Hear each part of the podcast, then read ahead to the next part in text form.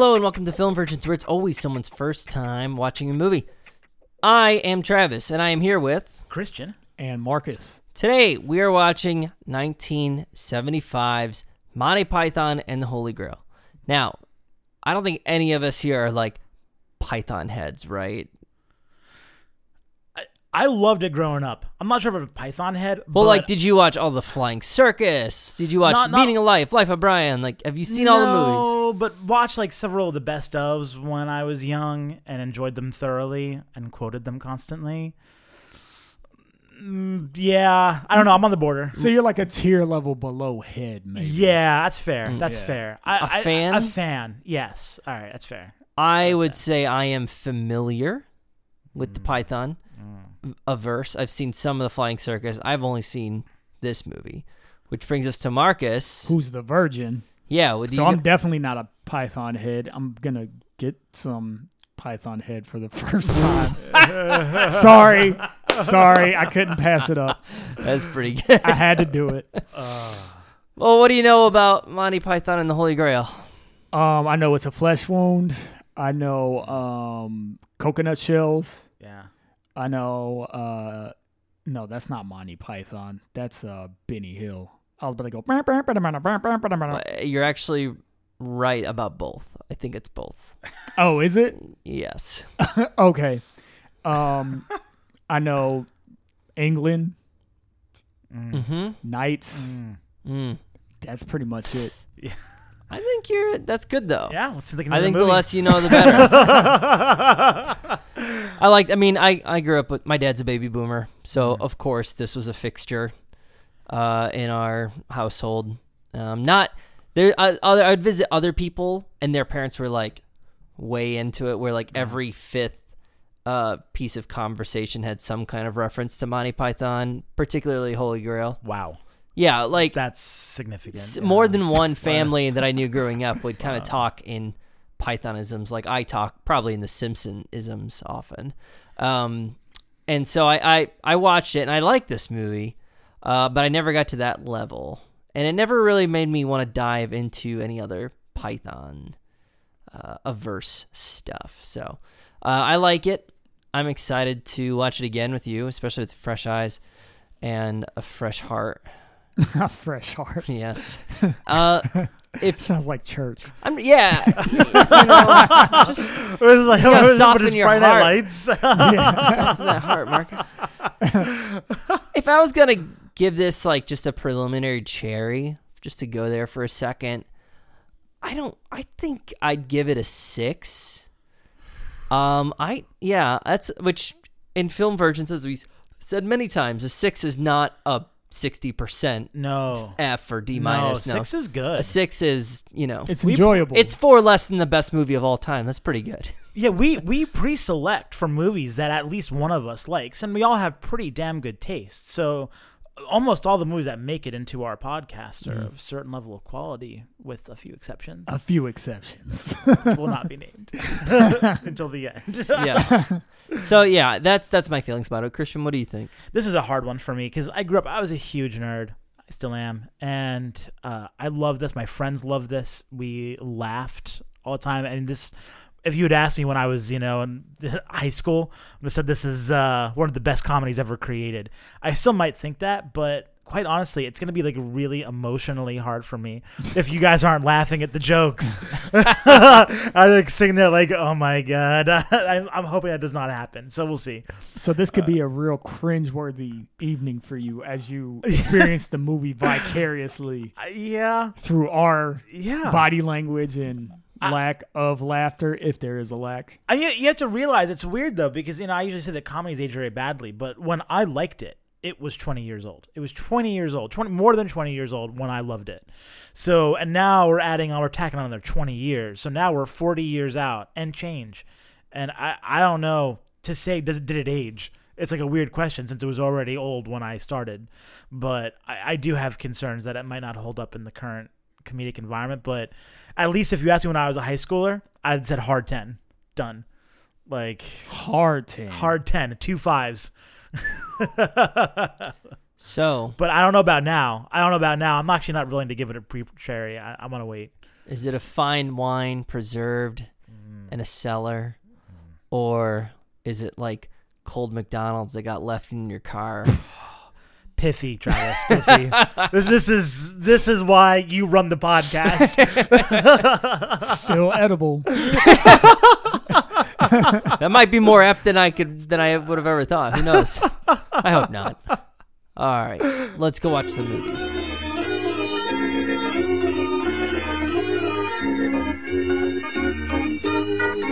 And we are back. We just finished watching 1975's Monty Python and the Holy Grail, directed by Terry Gilliam and Terry Jones, and then starring the Pythons, um, all the ones you know, John Cleese, and everyone else who I don't really know because, like I said, I'm not a Python head.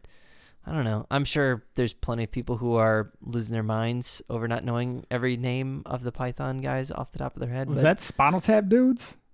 uh, no different? no. Oh, Different. okay. Eric Idle looks a lot like a Spinal Tap dude, but he's not. He is. I his thought I own heard that person.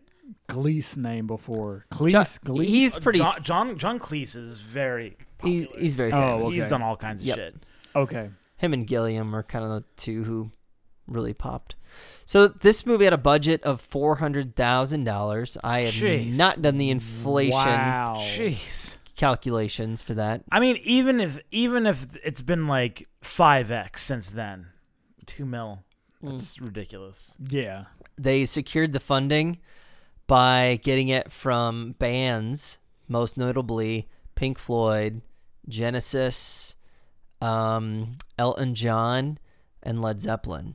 All contributed like twenty grand each to this film. Really? because they're fans of Flying Circus. Like Monty Python would like, or not Monty Python. I'm sorry. Pink Pink Floyd would take a break from recording to go and watch Monty Python.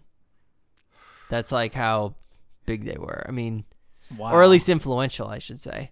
Um, yeah. Well, was it just watching Monty Python, or were they um doing other things while watching Monty Python? I would not be surprised if the two were related. I think the movie might be conducive to that. hmm And it had a uh, had a gross uh, of five million dollars, which hey, pretty decent return. Yeah. Mm-hmm. And it's very much regarded as a classic. Christian, what is the Rotten Tomatoes score? Because I You don't want the plot summary. We just want to know. the I want the Tomatoes. Rotten Tomatoes Ninety-seven score. percent. Yes. and uh, the ninety-five audience. Okay. So very much Yeah. heralded as a classic, but Christian, what is the plot of Monty Python and the Holy Grail? Uh, well, at, man, to call it a plot is really overstating it a little bit. But basically, it's about the Knights of the Round Table looking for the Holy Grail. That's done. And it's a series, and it's a, Yeah. a series of vignettes or sketches, Yeah. essentially going through that process. And some of them don't even do that. Some of them have nothing to do with anything at all. They're Mm. just like a random sketch. It's- This is not a spoiler, but there's a dude that goes and yells at the clouds and the sun, tells them to go away. That happens. And that, it, as far as I can tell, doesn't relate at all to the quest for the Holy Grail. so, yeah. I, I'd say Act One is him basically like going through looking for his knights. And then they like, he suddenly gets them off screen, and the rest is just him looking for the Holy Grail. hmm And then, yeah, like you said, vignettes, some of which may or may not relate to Find the Holy Grail. Correct. so I have two, a few feelings about this film. Uh, I mentioned that I I've seen it many times, and I have, uh, but I can't remember the last time I sat through and just watched it start to finish. It's always one of those you like catch on TV. I think it's really great for that. But it's also one of those movies that gets quoted, and I alluded to growing up with people who quoted, but I was even at work and I saw somebody had like posters of it. Uh, you know, different like fan art. There's a lot of fan art for this. There's Spamalot, the uh, musical now that's very popular. This movie has gotten like quoted and referenced to death. But what, one thing I forgot was it's only actually a handful of things in the film that have been quoted in reference to death, and there's a lot of things that I forgot that are really funny. And it's the stuff that doesn't get quoted. It's actually probably the strongest in some ways. Yes, yes. Like I, I, I get it. It's the the Black Knight is hilarious, but I, you can only It's hear. It's not s- the funniest thing. it's not. No. It's not even close to the funniest thing. I mean, it's just because we're old and lame now. But yeah, I think the the funniest parts for me were the things I totally forgot. That was my experience watching this movie. Still funny. I still enjoyed it. I was just surprised at how much I forgot and how good it was. I, I, I think I, I felt the same way. I additionally felt that a lot of the stuff that was based on vo- like kitschy voices, I just didn't enjoy as much this time around. So like the Knights who Knights Who Say Ni, I just didn't enjoy as much. that I remember enjoying when I was in tenth grade. Yeah, And the- yet, like, yeah, and yet like the peasants talking about forms of uh you know of government was it's money. like the highlight of the film. I mean, it's amazing. because we're, fucking thty. I know, and I, I remember And I remember older, liking in our that back then, but I remember thinking like this is the literally the best thing in this film. I'm laughing just thinking about it. Well, Film Virgin Marcus, what did you think of Monty Python and the Holy Grail? Well, by my laughter, you could tell I thought it was funny. Um, I didn't expect it to be that funny. Mm, I really didn't. exceeded expectations. I think that it's its brand of humor is actually so absurd and in most parts so unique at least to anything that I've seen or have been exposed to throughout my years that um it carries over cuz it doesn't really smack of a certain time. There were some some of the bits where they basically drag something out very long that that seemed a little bit um played out that just seems like it was novel back in the day now like in today's day and age just like we've seen that done so many Oh, yeah. times like what? um from the movie or in Just what was? or elsewhere so the um the whole bit where um the prince. What was the like weak prince's name Oh, that was supposed to be getting remember, married? Yeah. so there's a weak prince that's supposed to be getting married and his father is like trying to keep him because in like in the room guarded because all he wants to do is sing and escape. So he leaves the guards and he's like giving the guards the instructions and they're like he's like make sure he doesn't leave until I come back. And the guard's like okay make sure he leaves when you come back or you know he kept getting it wrong basically the guard kept getting it wrong and it was pretty funny like the wordplay was pretty clever but at the same time it is kind of like you know where this is going we're back in 1975 it was probably funny because it was like ah he's still getting it wrong But even back then, it was probably derivative, right? I mean, that's like Right. that's like right out of Abbott and Costello. right exactly That's a good point. So, but that being the case, even even when it did do that, it was still pretty funny. My overall impression, though, um, besides it being funny, is that this movie was made by a child, and I think that child was me.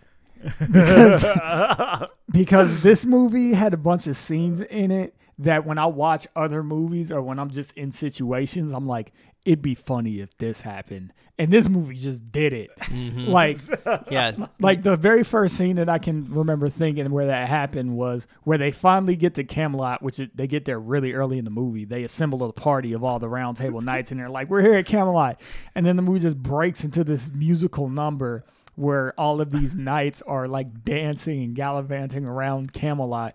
And at first, you know, they're just like being raucous and. Um, jumping up and down, but then they like start kicking stuff over off of the tables.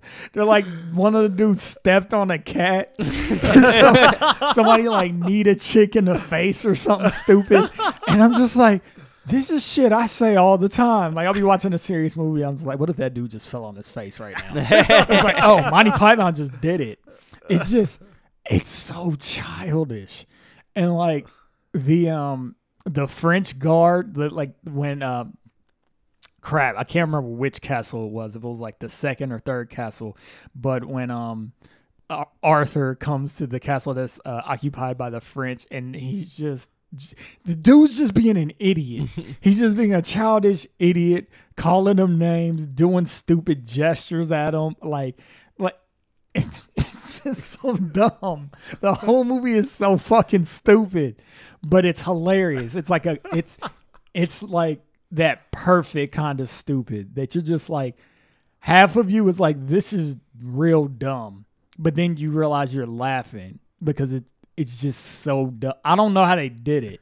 Like they freaking threw a cow at them over the castle wall. They oh, catapulted a cow. Can, can I tell a little anecdote about that? Yes. So that is based on a medieval legend where there was this castle that was under siege for a long time. They were getting starved out. And so their idea with their last bit of food was to catapult their livestock, their remaining livestock, outside the castle at their enemies to try and send the message that we have tons of food, we can stay in here forever. Some castle in France, right? And so the legend is the assaulting force left because they thought they couldn't starve them out and it wasn't worth taking any more losses. That's Oh. the legend. Yeah, Well, you know what? It's funnier in this movie. it is. it's better than that little dumb fact. to, to actually see it happen. But then, then they then they catapult the um the Trojan rabbit that they like failed to infiltrate the castle with. They they, they freaking catapulted or trebucheted, whichever one they had. A whole damn like siege engine, basically, and it landed on the minstrel. It's like this movie is so stupid. It's so, but, but it's great. I like. I loved watching it. uh, Terry Gilliam said, uh, "It's like, uh, yeah, we didn't know how to make a movie, so we learned how to make a movie by making a movie." That's what he said about being a first-time director. Him and uh, Terry Jones, the other collaborator. But this wasn't the first movie, right? That they did. Yeah, Oh, this was. yeah. Oh. They'd done the sh- the TV show. Oh, it's a flying circus. Is this is a TV show? Yeah, it was sketch comedy. Oh, okay. I thought that was a movie. Okay, Mhm. so this was their first movie. B- I But thought more or less. I think they had one that was like a series of sketches that was just in movie. but they already had comedy chops like Yeah. flexed because you don't accidentally make a movie like this. no. I think this movie is so absurd and works at the same time that somehow it has to be very purposeful. Because if you just try to make something absurd and you don't have any experience at all, at least in writing and putting together a story, I, I, albeit a very loosely based, barely a story, um, yeah, I don't think that you get something that's watchable. Mm. or that's or that stands up the test of time. Yeah, yeah, yeah, yeah. Christian, on a rewatch, Mm. you said tenth grader gave it a ten, Yes. but before not. Yeah. Hold your ratings, but- for of later, course, of course, but, but- But what did you think? man, I you know I definitely think that there are some of those scenes that don't hold up. I say knights and Ni is one of those that don't really hold up, and there's a few others um, where it's just like ah, like yeah, this was definitely an infantile mind that enjoyed this, but so much of it does. And for a 40 something year old comedy to be able to do that, to hold up that well, I was astounded really at just how great it still is. Um, so yeah, some things didn't hold up, but man, a lot of things do. And that, that scene you're talking about with um, was it Lancelot going to save uh, that, that guy? That, that whole thing is amazing. Where he just murders He runs everyone in and for kills no everybody. reason. Yes, that whole arc was unbelievably good. I, I mean, I, I love every part of it. I love Concorde. I, I don't even mind it. You're right. It was a little overdone, but I don't even mind the talk with the guards. But yeah, it wasn't bad. It, it, was not bad. It didn't detract was- from this from the scene at all. Yeah, it was still clever, even though it was dated. Yes, the talk with the father and son is fantastic. The large tracts of land still made me laugh as much now as it did hmm. back then. The hand gestures, it's Didn't he call him mommy or mother? yeah, uh, uh, yeah, yeah, mother, father, father. like they, they both get each other's names wrong. That's that's the joke. It's like, he calls his dad like mother, and he uses like Herbert or something like that. yeah. and then he has to remind him what his name actually is. Yeah, I, it's And then, then there's a whole stupid scene where he shoots the message out of the window, and he's like, acting like smiling. he's covertly like collecting the materials, like getting the quill and the like the parchment, and like the guards are just staring at him, smiling. Oh yeah, no, they're like smiling and like kind of winking. Uh, they're like Yeah. like kind of eyebrows, like. But he's still the he- listeners can't see what eye I- gestures you're making, Christian. I know. Trust me, listeners, they're good. You'd be really turned on right now if you saw my eyebrows. Mm-hmm. what? Yeah. Uh, Oh eyebrows. Yeah. God. What the fuck, dude? I don't know how many times I said that watching this movie. It's like, what the fuck? It, I guess that's a sign that the movie succeeded and it held up because that's clearly the reaction they want. That's what they're going for. Yeah. That's Right, right, right, always right, what they're right. going yeah. for. Like, Yeah, and I- when and don't don't mistake me. Yeah, when yeah, I yeah. when I say that, yeah, that, that I was taking that as a compliment. yeah, laughing while I say it, like like I- what? I think a, a best example of something that nobody references is the opening credits.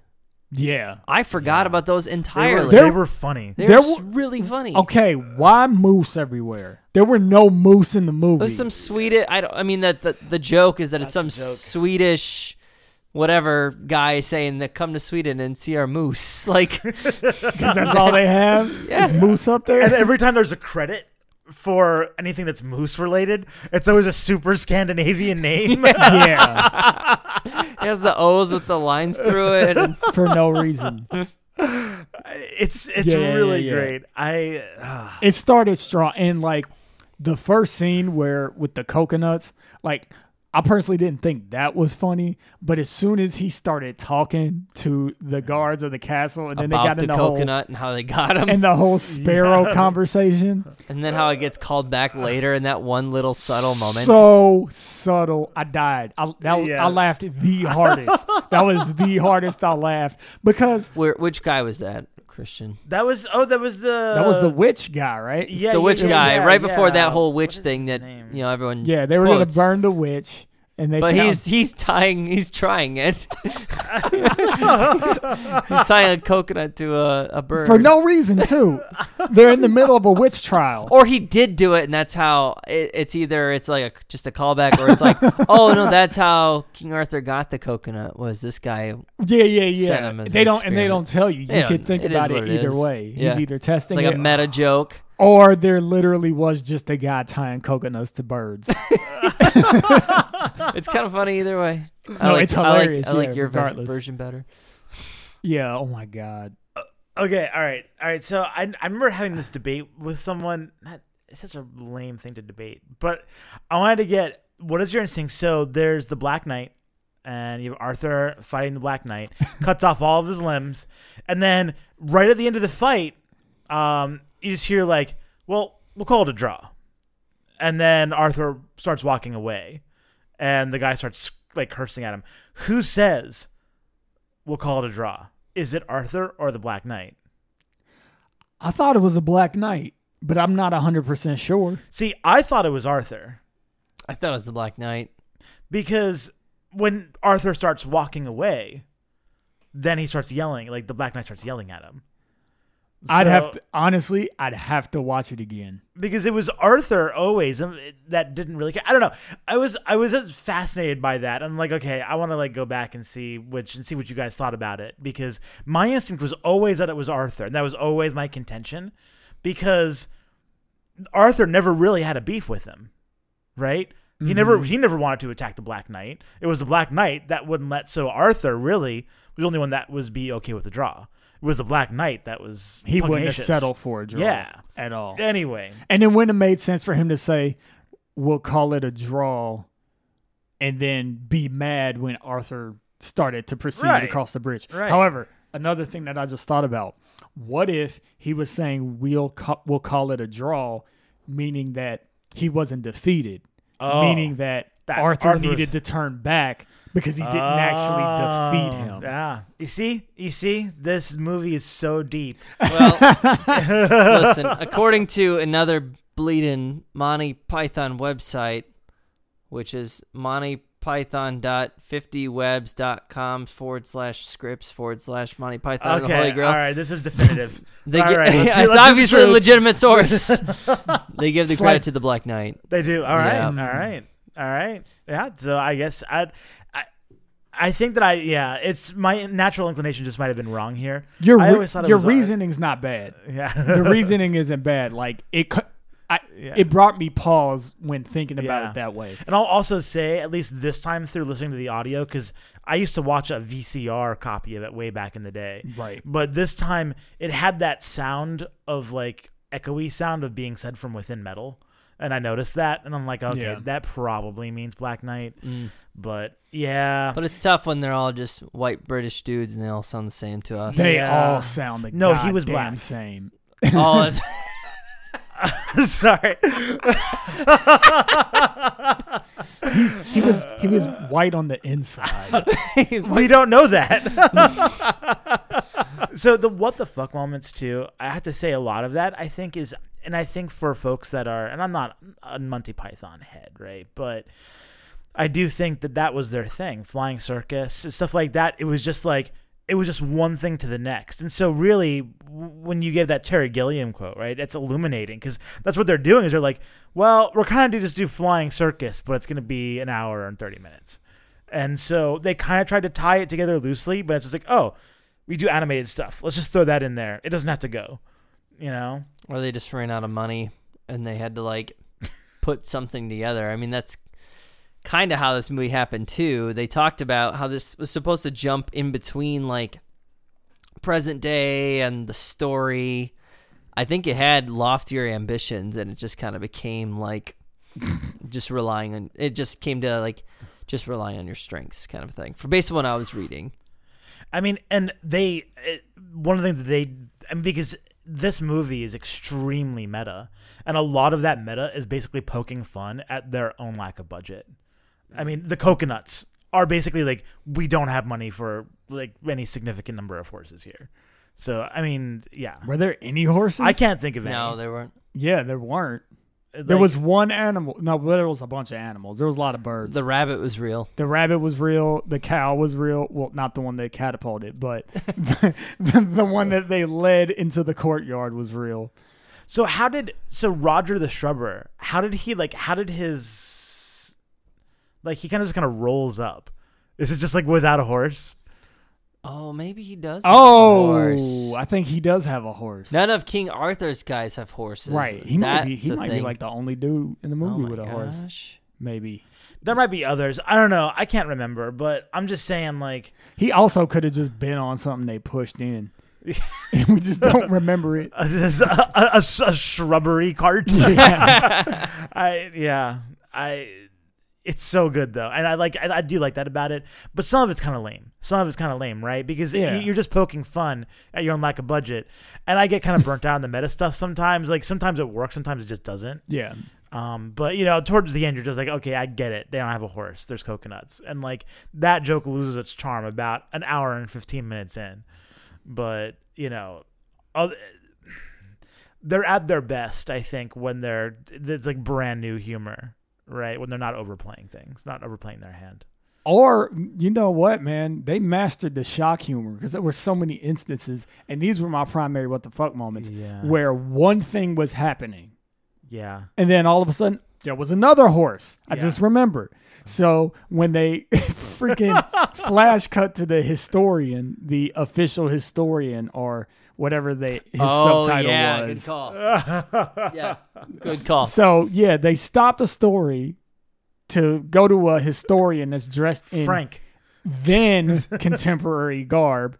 And you know he's about to give this whole spiel about what happened, and then out of nowhere, a horse runs by with a knife and slices his neck.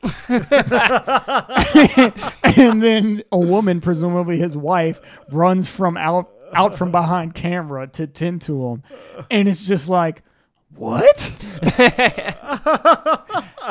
and then they carry that through the whole movie, which leads to the conclusion. Yeah, and they Spoilers. yes, Spoilers: They get arrested by modern day, then modern day police. I'll say contemporary policemen. I mean, it's it's so it's so great because they do. You're right. It's like that's the surprise kind of thing, but then they and a lot of stuff is just overstated. You know, like the rabbit. And the rabbit comes and like, just, like, Yes. like gnaws people's heads off, right? That's an interesting of that's an instance of the overstating, Or- kind of the hyperbole, if you will. or Tim, aka Merlin. Probably like my That probably my third so- favorite part That of the Merlin scene is awesome. So great, And that's a scene that should not be funny. Well, that's the scene that nobody talks about. and it Yeah. was That's another one I forgot yeah. about. No, I, that was one of those ones that like I didn't really laugh as much at when I was growing up, but now I'm like, this is amazing. It's the dumbest thing in the world. Just so we can cue the listeners in on what we're talking about. Basically, they run into a wizard named Tim. It's definitely Merlin, but he says he's Tim, and they find him like on a not a mountaintop, but basically like on this like spike of rock that's jutting out of the earth, surrounded by a canyon, and he pursues for like five minutes to just cause explosions by like gesturing towards the distance the distant formations and things explode as he does it. He teleports over to them and then begins a conversation. And then just throughout the conversation he continues to just make things explode out Like of any his break staff. in the break in the conversation, he is expected to blow something up, and then when he stops doing it, they're like, "Are you gonna blow something up?" Yeah. like their faces kind of sell it, and then he does. and Yeah, then it's when he does talk he uses one word and he yells and he's not even mad he's just like yes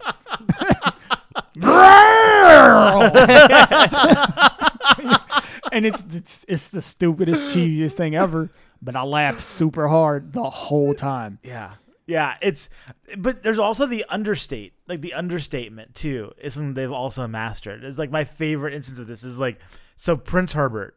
Right, so Prince Herbert's that guy we're talking about, the Oh, Lancelot okay. scene where he's, you know, he's in the, the trapped in the tower, and his father's forcing him to marry against his will, and so he's, you know, he's what we're talking about with the archery that like kind of shoots the message.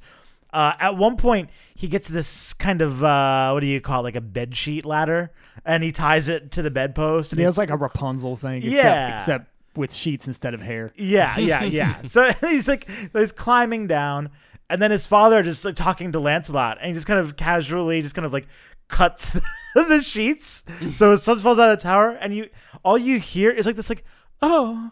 Mm. and then, like that's it. It's just like it's so subtle and so amazing. and honestly um, i didn't even hear that and really the joke doesn't need it Dude, no, Because no, you understand exactly what happened It doesn't without- need it, without but but having heard it, it was so It funny funnier. because it's just like it's cued way in the background because they're talking business Yeah, yeah, over yeah. the sound, and so you just in the background you hear, oh, it's, it's, it's really great. It's it's brilliant stuff. does the uh, does the rabbit still play? Does the rabbit scene still play? i think The it holy hand grenade, all that. I think it plays because it's this movie. Hmm. like if the rabbit i think the reason i think it plays is because they use a real rabbit to begin with. Mm, and then they make the sudden and deliberate change to the fake rabbit and then they don't just do it once. It's like mayhem. Like it's really it's i hate to use this word but it's a set piece. It's a battle set piece. So it actually isn't just necessarily a, a kind of a one stroke gag. You kind of need all that mayhem and everybody screaming to get to the point where they say run away as they say throughout the whole movie which i another show used that and i didn't know that it was from monty Oh, python. So now i know that that i can't remember what the show is that used it.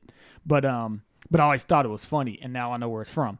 But um so though but anyway that's the reason i think it plays because it is kind of all of this build up to like it's a terrible creature and then they s- spend like five minutes talking about how it's just a rabbit and then they finally go like cut its head off! And then mayhem ensues and personally i just think it's hilarious. Because so many of them die. I yeah. I I I honestly think that the uh, the holy hand grenade scene plays even better uh, than the Rabbit, and I think it's it's. I agree with you. It's really less, and the reason why is the writing is so great, particularly in scenes like this.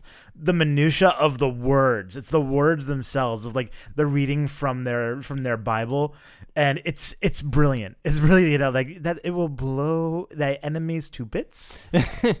in thy mercy you know? And it's just, it's just it's really well done. I, I so i was looking it up. This was written by graham chapman who played arthur and john cleese.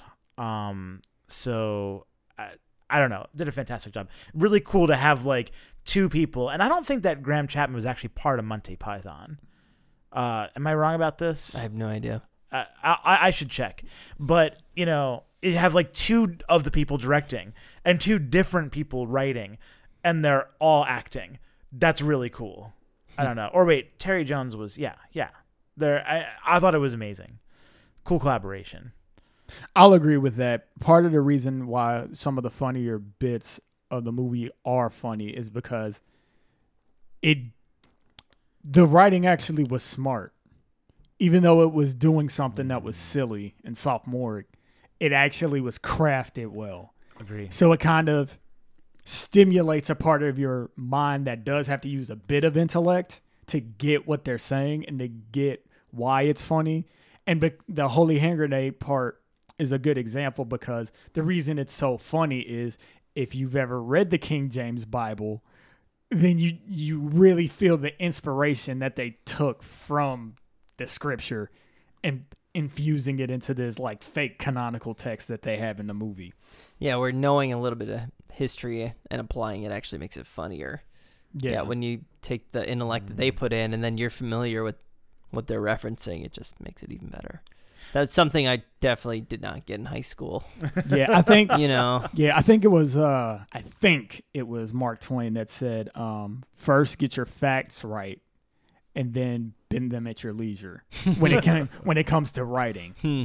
So it's like even though you're gonna say something fake, to make it hit and feel real and feel like something that has some substance to make it humorous, get the real stuff right first. And even with the discussion about the governments, about you know how what did he say? Like we're a uh, what was what did he say? A, autonomous. collective. Yeah, yeah, yeah, something like that. An autonomous connect. No, this is a dictatorship. okay, to that end, getting the facts correct, Graham Chapman was a member of Monty Python. He's the only one who is deceased. Ah, So, yeah.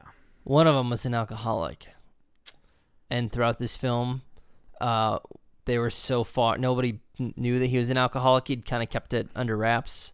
And uh, they were so far away from like any bars that he was constantly with it with uh, going through withdrawal and like forgetting lines and sweating and uncomfortable. And That was Chapman. that was Chapman. Okay, and uh, that led him eventually to having to get sober because he realized he was really really far gone.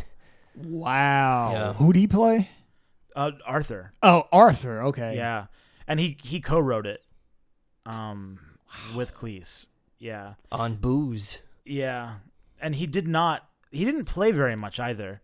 I mean, he was King Arthur, voice of God, middle head, and hiccoughing. The three headed thing. Yeah, yeah, yeah. The three headed knight. Yeah. yeah. Oh, yeah. The guard on the, yeah, the guard on the right. That's just, know, Mhm. whoop. I, I thought, I thought when the first time I watched it, I thought that was just like his acknowledging sound. I didn't realizing. Yeah. Anyway. Mmm. Turn offs. Ugh. Well, we've talked about what we like. Now, to our famous section called Turnoffs, where we talk about things that either we didn't like, or since this movie's about over 40 years old, what are some things that didn't hold up? I said it several times. Knights Who Say Ni wasn't as good. Didn't enjoy it as much this time. I used to love it when I was, you know, a juvenile. Not so much now. Uh, Three Headed Knight, we just mentioned that. That was, I think it was, that was another sketch that I don't think played very well. Yeah, I agree. It wasn't the best, though. I still think I still kind of I still kind of liked it. I I enjoyed the like let's be nice to him. I don't know. It made me. It kind of made me laugh. I thought it was well written, but I agree. In general, it was kind. It was kind of stupid. I think it lifts right out. Yeah. Well, even if it's not terrible, it's definitely not even close to being the strongest of the material in the movie. agree with that. Like it, it doesn't add much, but it doesn't detract. It doesn't detract. It, there were other things that I felt detracted. hmm Um, I'll, I'll I already kind of alluded to it, but I'll just throw it in there again that I love fandom, I love people's passion, but jokes don't always get better with repetition. No. and this No. is just one of those. It, call it, call it the Napoleon Dynamite effect, if you will, where it's like, I mean, obviously this predates a bad example, but you just hear something so many times, something gets quoted so many times, it just, mm. ugh. unless you're, unless it's a very particular set of or style of quoting or the specific group of friends, when it's so inundated in our culture and I, it just loses some of its potency. And there's just a lot of that in this, and it's not the movie's fault that they made something so iconic that people love to share it. It's not their fault, but I do feel like it hinders some of the enjoyment. What is the single biggest instance of this, in your opinion? Probably the Black Knight stuff. Okay. Black Knight. Uh, That's what I hear the most. The whole yeah. flesh wound thing. I I would flesh say wound. Yeah. See, but here's the thing. So I would say one of the most uh played lines in the movie is probably the the dude in the cart. Bring out your dead. And that one was still funny for me. It was still funny for me. Maybe not because of the lines that get quoted, but that was still funny for me and it gets quoted all the time. As much I think as the Black Knight stuff. To bring out your dead. Yeah, I'm not dead yet. Oh, I'm not dead. I'm yet. not dead yet. That that line That's constantly. kind of a, there's a little bit of a that- that's kind of a goes throughout the entire film, doesn't it? yes, there's a few things like that. That absolutely, yeah. Because uh, Concorde next, and then in that same scene, uh, the the father-in-law. Mm-hmm. Yeah, Yeah, i- it's it's a weird turnoff. It's that's a personal one. I mean, I agree with it. I'm just saying, it might not be the fault of it being overplayed, or it might have exacerbated a problem that was already there. Because I don't think that alone is sufficient to really detract from it. Okay, I see your point. Yeah. Well, I don't know. I mean, maybe I'm wrong. Did you? Well, did no, you, you- did I- you enjoy the "Bring Out Your Dead" scene? I did, and I think it's symptomatic of an average joke being played a hundred times. Hmm. A really good joke played a hundred times maybe just has some more staying power. Maybe Hmm. the Black Knight just wasn't that good at its core, and then when you hear, you know, the best lines from the scene repeated a hundred times and Hmm. Woven into fan art, you it just you know loses. It was an average thing to begin with, or it was okay, and now it's just played to hell. So. Yeah. Um, uh, the animations. I don't need. I didn't need them. I know that's Terry Gilliam's thing. Like people love it. That's those animations inspired South Park. Like, I get it. I don't like it though. Heresy. The Python heads. The Python heads say, but Mm. this is my podcast, and I didn't like them. Screw you, animations. Yeah. Well, the animator did have a heart attack in the middle of the film. Good. so- I say justice served. all right. um, Pretending to be. you done? Yeah, I'm done. My turn. Nothing else Uh, to say. Um, I have to agree with. uh Was it you, Christian, that said the whole? No, it was you, Travis. I think. Correct me if I'm wrong. But you were saying like everybody sounds the same. Yeah, that was That's me. not my turnoff. That generally they all just kind of sound the same because honestly, the movie was made in 1975. you probably can't like pick up all the subtle nuances in the timbre of people's voices, especially with the equipment that they were probably using on their four hundred dollar, four hundred thousand dollar budget. hundred dollars. yeah, their four hundred dollar cameras. No, but um, but one thing that it was funny, but at the same time, it was kind of like, man, you guys are doing this a lot. The high pitched voice that everybody was doing. There were like 18 characters. They all talk like this, except you know more British and less like hillbilly. yeah, that was terrifying. I think that is like judging by what I've seen by Flying Circus. I mean, that's where a good chunk of the humor comes from. Yeah, but it's like at some point it's like, all right, cool. You like to doing you like doing vocal humor, make more voices. There's like 18 dudes that all have that high pitched voice. And some of it, some of the time it makes sense. Other times it's like, okay, this is a nothing character that really doesn't have personality that you're just trying to give personality by making them talk weird. But in the case of like the dude that was reading the Bible about the holy hand grenade, like it works there mm. because he's basically that's he basically has a monologue. So that's his whole character is his voice and like the words that he's reading and some of the other characters it's like just make them say something funny or guess what make them have a different voice quit using the same high pitched one. Like i get it. You guys like that. Um what else? We just didn't talk about the scene yet so i'll ask if it's a turn off i'll ask you guys if you think that it would play in 2018 the scene I'm talking about is the scene where I believe um, Galgalad or Galahad, Galahad, right? Sir Galahad thinks he sees the Grail in the castle, but it's a Grail-shaped beacon that's lit by a castle full of 16 to 19 year old Oh, good point. That's a good point. maids, and they all want to bone him so hard. But he is Galgalad or Galahad, whichever one it The is, chaste. the chased. Taste. So he's like trying to resist.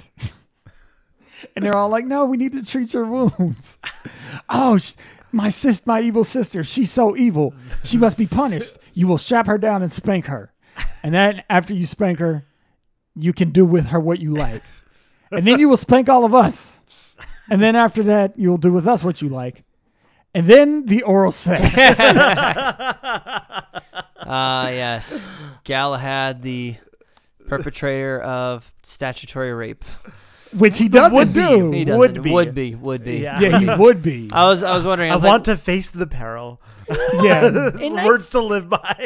in 1975, it's like, what's the age of consent in the United Kingdom? Well, well, well, more is to the anyone else point, what thinking is that? the age of consent in 1450? Well- no, no, no, no. Nine thirty-eight or whatever. Nine- Well, Oh, is sure, Yeah. sure, sure. Jeez. But I mean, that joke is very specific ages. I, I'm betting money that 16 was the minimum age of consent because that's what it was. That's what it was here in America in many states back then. right. Ask Rob Lowe. Ooh. Yeah, Uh oh. Rob Lowe had a had a thing with a 16 year old back in the 80s, I believe. Zowie. Yeah, it was legal. It was legal in America at the time. So, Uh, Yeah. Anyways, I just watched his roast. That's the only reason I know that. Ah. And um, yeah, so I think that was the age of consent in the United Kingdom. Yeah, not not not Yeah. the current age of consent. Whoa, are you sure about that? Oh, it depends on the state. No, I mean I'm saying in Europe or in UK. What is I the, have no what is idea. the current age of consent? I have in no UK? idea. It might be 16. they start things earlier. You can drink at like twelve, right? Over there. This is birth. But anyways, um, I personally thought that scene was hilarious. I wouldn't change a damn thing about it. Um, but I could see people being put off by a scene like that. yeah. Maybe. maybe. I think it still plays. It's ridiculous enough. it's ridiculous enough and they all want it and generally society doesn't care too much when women push force themselves sexually upon men culturally like that's not as taboo as it is the other way around you know? Right. you switch the scene you know it's like the castle's full of filthy dogs but you know it's funny it's like oh the girls are just having fun which i mean it was funny so whatever but uh do i have anything else uh, it lulled in the middle a little bit because I think it hit so hard with the comedy in the beginning, the vignettes that like had nothing to do with one another. Like some of the best parts of the movie was were when Arthur was failing to recruit people and failing to get anybody to listen to him and being reduced to telling peasants shut up over and over again because they wouldn't st- wouldn't stop talking and insulting the lady of the lake, calling her a, a moistened tart. Yeah, watery tart, moistened bitch. yeah, that shit. That oh, that was my favorite part. yeah. I laughed the hardest about the callback with the coconut, but that scene about the whole like autocracy oligarchy spiel, like oh my god, that was the best. Anyway, that's not a turnoff though. But um, but all of that stuff is so strong that you get to the point in the middle where it's like you kind of get the strokes of the movie. You get that you're absurd, and it's kind of like it's almost kind of like when you watch RiffTrax sometimes, like a movie is so bad and they're riffing on it so much, like by the second act of the movie, you're kind of like, okay, like I laughed really hard for 45 minutes already. Like it's I'm kind of numb, you know. But mm-hmm. but it picks back up in the end, and I think the ending, especially the ending, non credits, really pays off the whole movie. Yeah. Was it good for you? Well, Film Virgin, Yeah. Was it good for you? Um, it was good for me.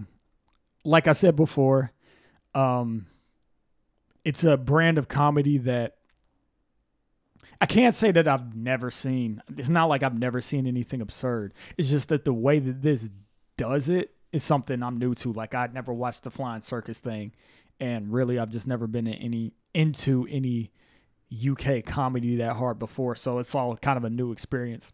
So um impressed that it aged so well. Really impressed about like how dense the comedy was.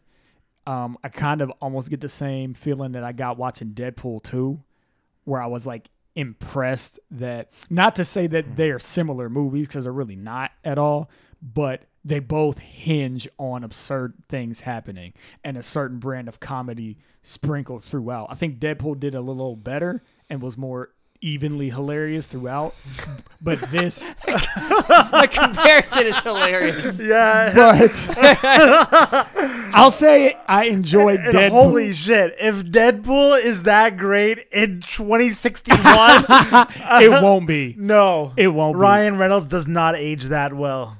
And and that movie is way too timely because it's it's all about pop culture references. Yeah. Um, this movie isn't about pop culture references. I'm sure there are some in there, but really it just hinges upon the comedy stylings of this Monty group, um, or the Pythons or whatever the hell they're called.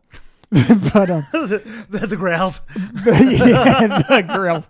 But yeah, so I was impressed with like how dense the humor was and how smart some of it was.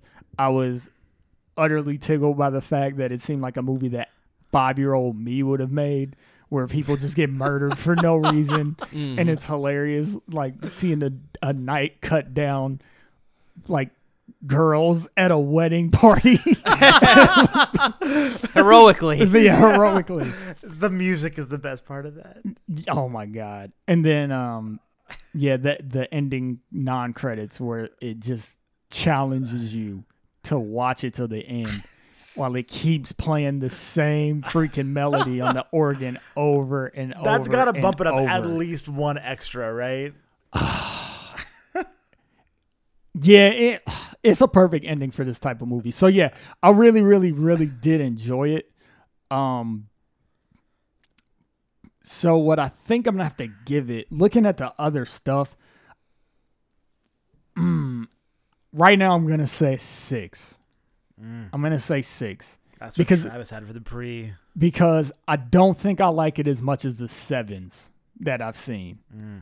Um, but I gave Maverick a six, and I enjoyed this more than Maverick by more than a little bit. I wouldn't say significantly more, but more than a little bit. It seems somehow unjust to like give it the same rating as Bad Santa, though. I don't know. I like. yeah, I could see that. it's hard. It's hard. I, I feel like Bad Santa's been one of those ones that like, it's way more funny in the moment, and like it's been like our Yeah, yeah, whipping yeah. boy since that, where it's just like this can't be right. Yeah. this like- is way too high. Yeah, yeah, yeah, yeah. Yeah, but um, but yeah, I think I'm gonna keep it there. okay, Looking at what I got. all right. And as far as um, recommendations,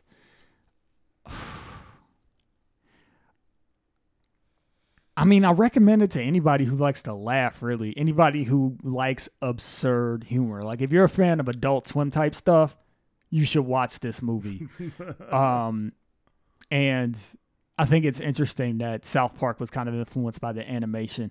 Um, I don't watch South Park enough to know if Mm. it was influenced in any other ways, but um, I could see like the same crowd of people maybe liking this movie that likes South Park, maybe. Um, because usually those are the type of people that like stuff on Adult Swim too. Uh, yeah, like keep this away from serious people who aren't fun. Uh, and think that every movie needs to teach you something. N- Oh. no, they don't. No, they Oh. don't. Not every movie needs to have a message. Where are these people? Oh, the people that get mad because they're like, "Oh, this movie's problematic because it perpetuates." It's like, eh, it's a movie. No, shut up. Those people don't watch this movie probably. But everybody else, yeah. If you're if you're down for some stupid stuff, just like random good time, like if you you like random Adult Swim cartoons, and even if you like some random anime, because there were some things that happened in this movie where I'm just like, this could be an anime. Like this particular scene could just be an hmm. anime, just because it's so non sequitur and has nothing to do with anything. That this is the type of laughter that I get when I watch anime sometimes with my friends. Um, you know, so yeah, people like that watch it. I'll go next. Um, I would to re- would probably recommend this to anybody who I mean hasn't seen it. That's a little older. Ah, gosh, I can't. Im- a twelve year old. What's a twelve year old gonna get out of this? I watched it when I was twelve, and I found stuff I liked. I think it's ridiculous enough. It's broad enough. It's simple enough that you could give this to a wide swath of audience Agreed. Yeah. and they could get something out of it. I don't think all the jokes will land. Just like we found new stuff to really enjoy, you know, now. Uh, we also, you know, recognize some of the, the humor and the more simple stuff that maybe it didn't play as well, but it's still funny. I mean, we we kind of shit on the Black Knight stuff just because it's played, but it's still a good scene. I mean, when he throws that sword, actually, Hilarious. yeah, when the, the Green Knight and the Black Knight are fighting, and he chucks the sword through the Green Knight's fucking head, and blood just spurts out. I love that. and it's such a sloppy throw too, but it goes perfectly in the, into the slit of his oh, visor. oh, that's like, great. Oh, Yeah, that that that Genius. plays. Yeah, genius. Uh, that's the scene's only fault is that it just it peaks right at the beginning. yeah. Um. So yeah, I think there's still s- some absurdity, and and that blood. I love any of the blood spurts are really great. Those are timeless. Come on. So yeah, uh, I could. A lot of people could watch this. I think you could give this to a lot of different people, and they could find something to like it in it. Um. So I don't have any specifics there. Anybody down for a comedy who doesn't need a plot, who doesn't mind some non sequitur absurdism, who, uh, I don't know, anybody who's familiar with medieval history could probably get a lot out of it. Even even Enjoy the legend, the Arthurian legends. yeah, maybe. literary. If you're okay with your um history not being rever- revered all Mhm. the time. absolutely. Um, but all that to say, uh, for chair rating, I'm gonna stick with my six. It was funnier in different parts than I remembered. I expected the only funny parts to be the parts that people talked about that I happen to remember because I liked it as a kid, but the funniest things were actually in between those part- parts. Um, however, looking at my previous ratings, um, I gave Spinal Tap a seven.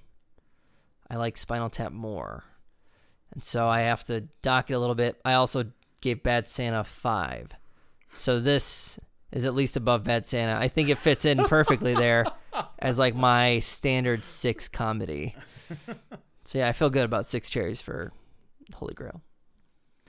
All right, so I think a huge uh, recommend here is to nerds, and at this point we're nerds. I'm not sure if we were all nerds. I know I was a nerd since the day that I was born, but I think you guys are more recently kind of uh, indoctrinated into nerdism.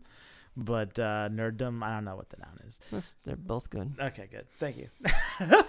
but you know, a lot of like a lot of stuff is going to appeal to, like you said, maybe a juvenile mind, right? But then the rest of the stuff, I mean, talking about jokes about uh, forms of government, jokes about about the carrying capacity of of swallows, right? These are jokes that I think really appeal to nerds, and uh, especially, and so I think if you're a nerd and you like to laugh and you like the ridiculous, like you said, this is definitely for you. I, I'm gonna I'm actually gonna go seven on this one. I you guys made excellent points. I was almost swayed, but this is a classic for me personally, subjectively. I love this movie, and I think it stands up.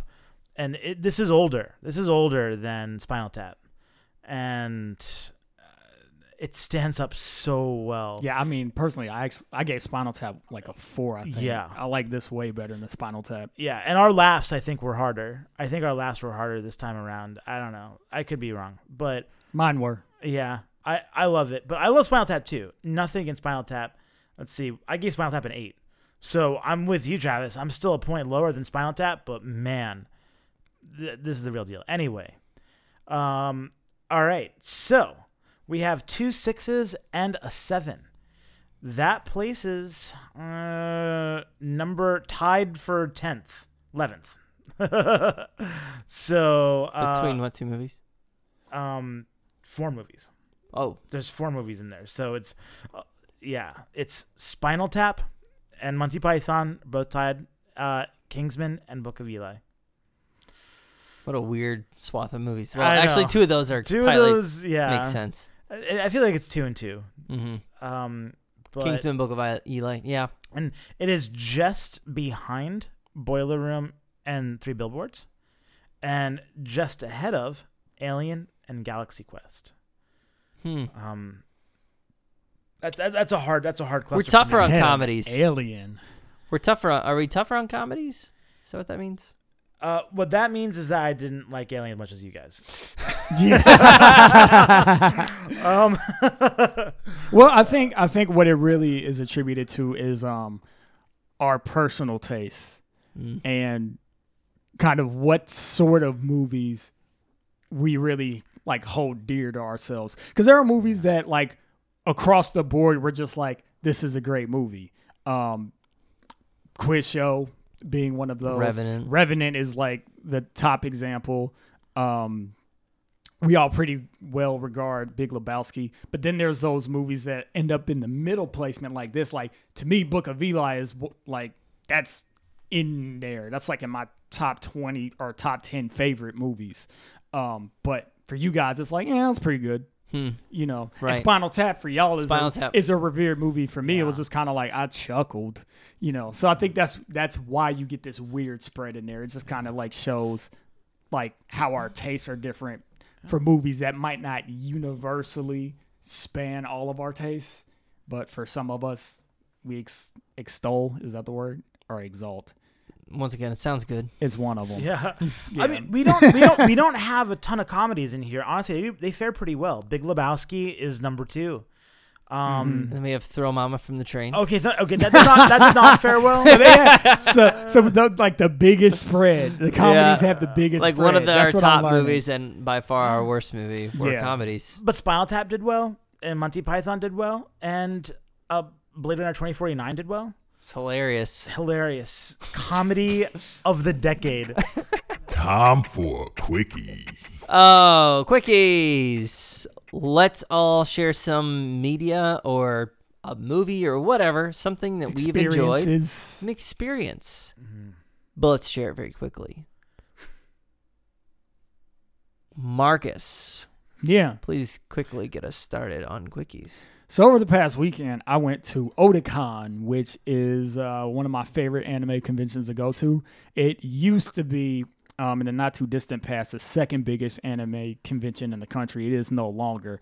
However, um, it's the first time I went in in its DC location. It used to be in Baltimore, and like it was exactly what I needed. Part of the reason it was exactly what I needed is because if people haven't heard, there's this little thing called Final Fantasy Distant Worlds um, concert show. I don't know exactly what the term is, but basically it's a symphony that travels around and they play Final Fantasy music um, with footage from all of the games in the background.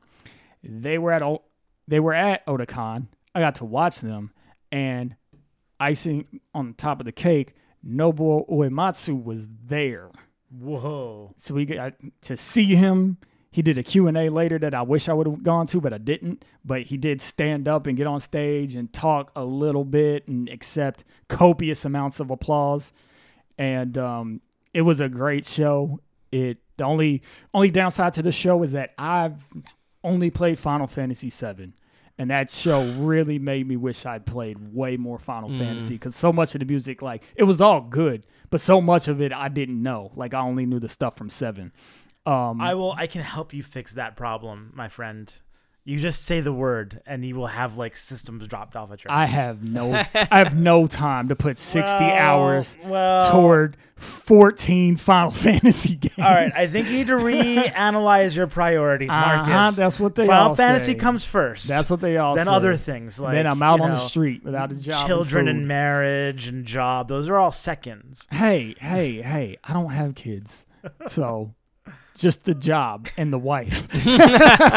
two two thirds yeah. adult adult. But anyway, so that was super awesome and amazing. And then there was another thing I wanted to mention. It um that did you guys know that Yoko Ono's coming out with a new album? oh my And it's gonna be so great. What? I got to listen to the first single today, Warzone. They they featured it on a podcast. mm, They were completely ripping it to shreds, and they should, because why the fuck is she still doing anything? because like because we miss John Lennon, it's it's not cool. right? It- it's not Isn't cool. that why? It's not good art. It's she. No, just no. You just don't get it, so Marcus. go listen to this bullshit and hate it just as much as I do. Somebody stop this woman. God damn it. Okay, um, that's all. I had to vent that because it made me so mad today when I heard it. We'll listen to it after the podcast. Oh, I can't wait. um, uh, I I can go. Yeah. So I haven't. I actually bought a ticket to. My girlfriend and I bought a ticket to go watch Mission Impossible, Fallout, and then she like started feeling really crappy, so we left during previews. Uh, so I didn't watch it. Yeah, I was bummed out about that, but that's okay. I didn't really care. It's Mission Impossible, you know. like I want to see it, but I- I think I know what it's fine. You know, if I don't see it until it comes out on, It has really good trailers, though. I know I think The it looks trailers good. Are good. The I- movie might not be good, but the trailers are amazing. It's funny how like these movies are just like surprisingly good. Like Rogue Nation was surprised. Wait, I haven't seen Rogue Nation. I get the Ghost Protocol. I get the titles mixed up. Silent Scope, Tom Clancy, I know. Splinter Cell. Siphon Filter. That's a. Six. Did any of you bitches play Siphon Filter? That's a deep cut. Yeah, yeah, yeah, yeah. Hell yeah. Anyways, all right. So I didn't see Mission Impossible. I will one of these days. Uh, I really want to see Black Klansman. You know about that? The No. Yeah, new yeah, yeah. Spike Lee movie. Lee. Yep. Very excited to see that. I'm just listing movies I want to see now. I think that's what I'm doing today. Have you Uh, seen A Quiet Place yet? Yes, I saw Quiet Place. Do you like it? I think I talked about it on this podcast. I think I Oh, brought it up as a quickie. Yeah, it's Oh, good. okay. Quiet Place is good. If I haven't talked about it, go Okay. watch Quiet Place. Yeah, I finally saw it. It was good. I liked it. Um, Christian and I have been watching *Halt and Catch Fire*, Oh, you're gonna take mine. What are which you I won't talk about. I forgot you're doing that. And I've been watching Veep. Uh, I also have a new band I was called. gonna talk about that one too. Fuck me. I'm sorry. but uh, I found this band called Eternity Forever. They're like a super group of prog rock bands, like uh, Chon. If you're listening, to Ch- not like, not um, not prog like Tool or something more like indie, like Maps and Atlases or um, I think I mentioned Chon, and they just have a cool four song EP. Apparently, like the band like broke up. It was a super group that didn't work out. Go figure. Um, members of other bands collaborating hardly ever works. So uh, it's really good. It's called uh, Fantasy EP, and it's super good. I'm really sorry, Christian. I'm sorry. It's fine. You didn't talk bad. about him. You just said. You just said I've been the watching it with him. I can I can find something else that's maybe a little bit more embarrassing. No, dude, talk about *Halt and Catch Fire*. Talk Nah. about what you want to talk about, bro. I want to talk about- about Stargate SG One Oh my god. because I'm back in it. I'm watching it. I'm going through. What year does SG One start? I don't know, like 95. I don't know, 90. No, no, it's later than that. Like 99. Okay, let's let's find out. Man. but I'll, I'll tell you. I'll tell you what, man. I'm like through. I'm into like season five. It's glorious. I'm such a nerd. Um, 1997 to 2007, and then there was Atlantis, which followed up, and then there was like two seasons of Stargate Universe, which was basically trying to be Battlestar Galactica. They're like, oh, let's make it dark. But that was never in the ethos of Stargate. It was Richard Dean Anderson hamming it up, being funny. And so they tried to do Stargate Universe, and all the SG1 fans are like, this is way too dark. Fuck this. And so, yeah, it lasted two seasons, and that was the end of the franchise. Is that kind of what's happening with Star Trek Discovery? Do you think? You know what? Maybe, but DS9 was dark as darkness. I don't know. It was really dark. A black hole in space. Yes, it was that dark. But you know what? I actually, I, I have to say, I, I'm a Discovery defender. I actually like it. There's some things I don't like about it. I, I can complain about it, and yeah, it really kind of shits on some of the ethos of Star Trek. But you know, they're trying new things. I always appreciate that. I will always honor someone that actually takes a franchise and tries new things with it, and they're doing it. I like it. So, um, but you know, Stargate, I miss you. I hope you come back too. And I hope that when you do, you don't take yourself seriously because you're really at your worst when you do that. Mm. Christian listeners can't actually see this, but he has a hand penned letter to Richard Dean Anderson Oh my gosh. asking him to return yes. as a producer to make sure that they can retain the tone of the original SG1 series. yes. Yes. And I got a response, though it did look a lot like a cease and desist. Oh my goodness. Well, that's everyone. We've all shared our quickies. That brings us to the end of this podcast. Let us all get to our Instagrams and follow Film Virgins Cast. Mm. Drop a new piece of fan art every single week Yeah. to correspond to the episode that I'm dropping. We also have a Twitter, but it's kind of just become my own personal Twitter because I did delete my actual personal one. So now I just kind of hang out on Twitter, but on the podcast at all times. I mostly follow like movie and tech people, anyways. So it's you know, it relates to our podcast mildly. So, Film Virgins Cast, go ahead and follow me, my new personal Twitter account. and yeah, I have been Travis. I've been Christian. And I've been Marcus. Come back next time for more sexy movie talk.